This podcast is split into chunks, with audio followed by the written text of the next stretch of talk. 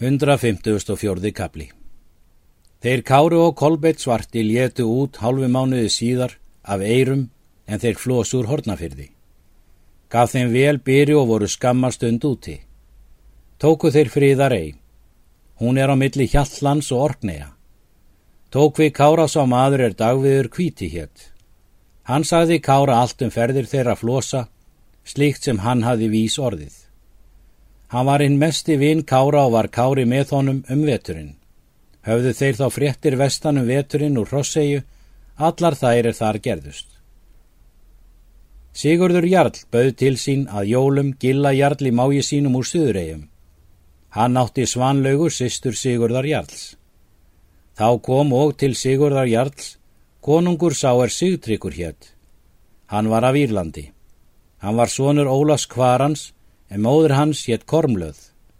Hún var allra kvenna fegurst og best að sér orðin um það allt er henni var ósjálfrátt. En það er mál manna að henni hafi allt verið ítla gefið, það er henni var sjálfrátt. Brjátt hétt konungur sá er hanna hafði átta og voru þau þá skilin því að hann var allra konunga best að sér. Hann satt í kunnjáttaborg, bróður hans var Úlfur Hræða, hinn mesti kappi og hermaður. Fóstri Brjáns konungs hétt Kerþjálfaður. Hann var són Kilvis konungs þess er margar orustur átti við Brján konung og stökkur landi fyrir honum og settist í stein. En þá er brjátt konungur gekk söður þá fann hann kilvi konung og sættust þeir þá.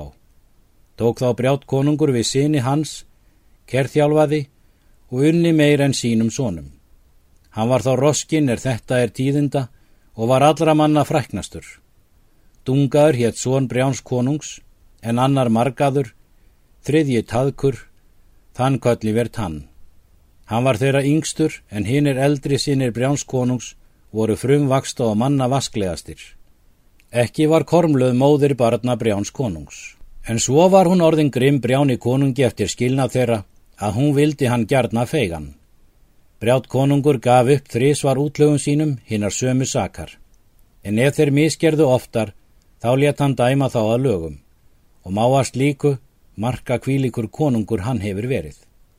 Kormluð eggjaði mjög sigtrygg són sinn að drepa Brján konung sendi hún hann af því til Sigurðar Jarls að byðja hann liðs. Kom Sigtryggur konungur fyrir jól til Orkneja. Þar kom þá og Gilli Jarl sem fyrir var ritað. Svo var mönnum skipa að Sigtryggur konungur satt í miðju hásæti en til sinnar handar konungi satt hvor Jarlana. Sátu menn þeirra Sigtryggs konungs og Gilla Jarls innar frá en utar frá Sigurði Jarli satt Flosi og Þorsteit Síðuhalsson og var skipuð öll höllin. Sigtryggur konungur og Gilli Jarl vildu heyra tíðindi er gerst höfðum brennuna og svo síðan er hún varð. Þá var fenginn til Gunnar Lampason að segja söguna og var settur undir hans stóll.